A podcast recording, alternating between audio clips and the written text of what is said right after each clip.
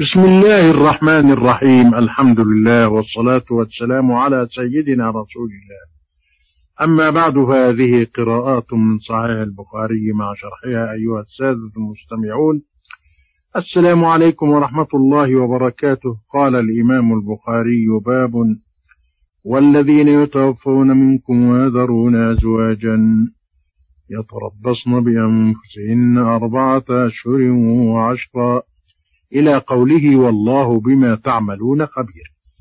وروى في صحيحه بسنده عن مجاهد قال في قوله تعالى والذين يتوفون منكم ويذرون أزواجا. قال كانت هذه العدة تعتد عند أهل زوجها واجبة فأنزل الله والذين يتوفون منكم ويذرون أزواجا وصية لأزواجهم متاعا إلى الحول غير إخراج. فإن خرجن فلا جناح عليكم فيما فعلن في أنفسهن من معروف. قال جعل الله لها تمام السنة سبعة أشهر وعشرين ليلة وصية. إن شاء سكنت في وصيتها وإن شاءت خرجت وهو قول الله تعالى غير إخراج. أقول بالله التوفيق قبل أن أشرح هذه الآية التي ترجم بها الإمام البخاري الإمام البخاري. أقول لقد كانت المرأة في الجاهلية إذا مات عنها زوجها لبست شر ثيابها وسكنت في شر بيته وأضيقه وتستمر على ذلك سنة. فلا تغتسل ولا تأخذ شعرا ولا تقلم ظفرا حتى نهاية الحول فتخرج وهي في غاية الشعاثة والقدر وخبث الريح فإذا مر بها حيوان من حمار أو كلب أو طير انتفضت به فقلما يعيش بعد هذا. ثم ترمي ببحرة كما جاءت بذلك الأحاديث الصحة فلما جاء الدين العام الخالد دين الإسلام قضى على كل أمور الجاهلية الجهلاء ومنها تشريع عدة للمتوفى عنها زوجها. لكنه سلك في ذلك مسلك التدرج في التشريع كما هي سنة الله في غالب تشريعاته. وهذا الأسلوب وهو أسلوب التدرج في التشريع من أنجع الأساليب في الهداية والتربية والتعليم. وقد جعل الله عدة المتوفى عنها زوجها في أول الأمر سنة يوصى بها يوصي بها الزوج ولها النفقة والسكنى ما لم تخرج. فإن خرجت فلا نفقة لها ولا سكنى مع استبعاد كل ما كان في الجاهلية من لبس الثياب القذرة والسكنى في المساكن الضيقة المظلمة وعدم الاغتسال والتطهر. إلى غير ذلك مما ذكرته الأحاديث الصحيحة في هذا. وبذلك انتشل الإسلام. النساء من هذه التقاليد الجاهلية. التي صيرت من المرأة في الجاهلية مخلوقا قذرا وعرف لها كرامتها الإنسانية.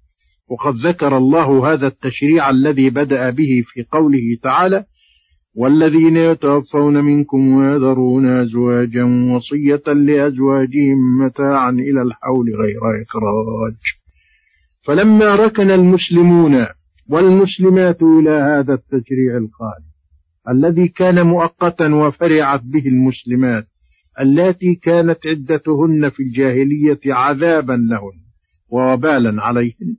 أنزل الله هذا التشريع العام الخالد في هذه الآية الكريمة والذين يتوفون منكم ويذرون أزواجا يتربصن بأنفسهن أربعة أشهر وعشرا فإذا بلغن أجلهن فلا جناح عليكم فيما فعلن في أنفسهن بالمعروف.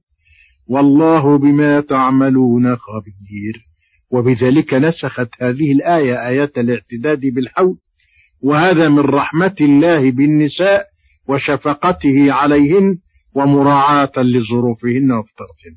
وهذا الذي ذكرته وما عليه جمهور العلماء سلفا وخلفا وهذا يكاد يكون إجماعا ولم يشذ عن هذا الإجماع إلا مجاهد بن جبر التابع المفسر تلميذ ابن عباس رضي الله عنهما.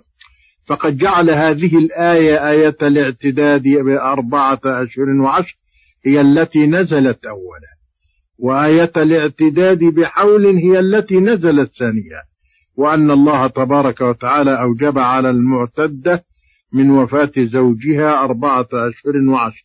كما أوجب عليها سبعة أشهر وعشرين يوما تتمة الوصية بالحول.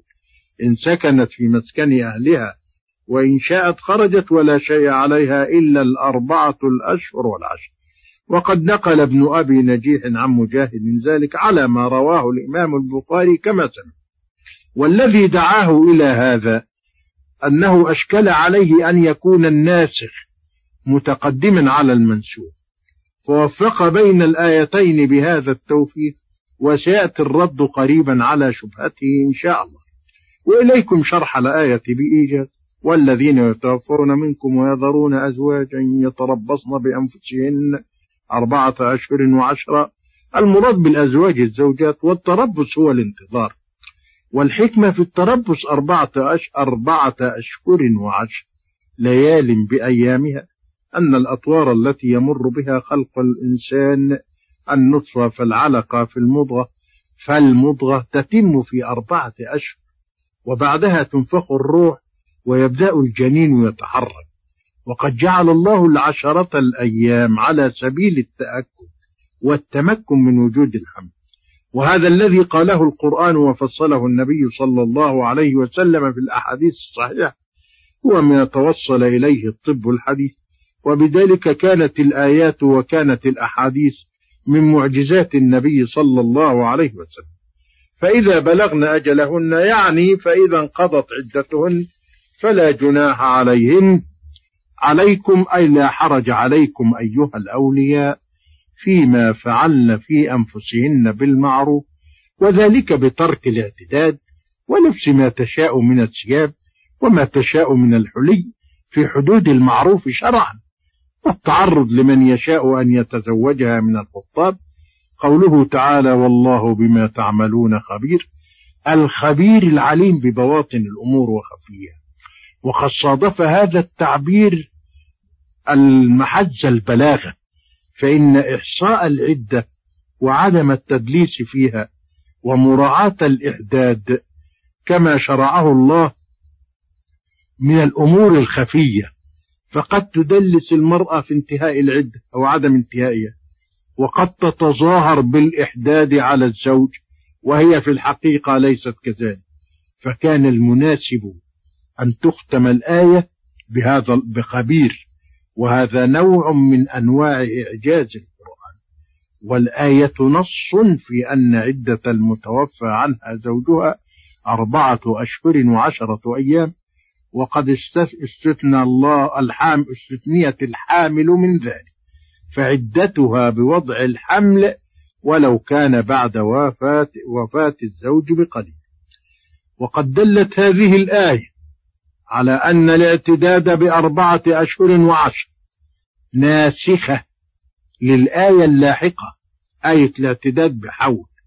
يدل على هذا ما رواه الإمام البخاري في صحيحه عن عبد الله بن الزبير قال قلت لعثمان بن عفان والذين يتوفون منكم ويذرون أزواجا وصية لأزواجهم قد نسختها الآية الأخرى يعني التي قبلها فلم تكتبها أو تدعها؟ يعني أو تدعها مكتوبة والواو للشك ولا فرق بين العبارات وإنما هي أمانة الرواة المسلمين قال يا ابن أخي لا أغير شيئا من مكانه وكأن ابن الزبير كان يرى أن ما نسخ حكمه لا يبقى رسمه. فبين له الخليفة الراشد ذو النورين أن هذا أمر توقيفي وأنه وجدها مثبتة في المصحف كذلك فأثبتها حيث حيث وجدتها. وقد يسألني سائل فيقول كيف يقول الجمهور من العلماء سلفا وخلفا؟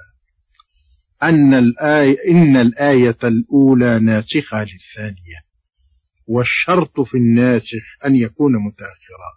وإليكم الجواب. الجواب أن الآية الأولى متقدمة في الكتابة في المصاحف ولكنها متأخرة في النزول عن الآية الثانية. كما أجمع على ذلك علماء علوم القرآن. والمطلوب في الناسخ التأخر في النزول لا التأخر في الكتابة وبهذا نكون أجبنا على الشبهة التي عرضت لابن عباس وجعلته يعكس الأمر ويجعل الآية الثانية بمثابة الناسخة الأولى والله أعلم. وإلى شرح القراءة التالية غدا إن شاء الله. والسلام عليكم.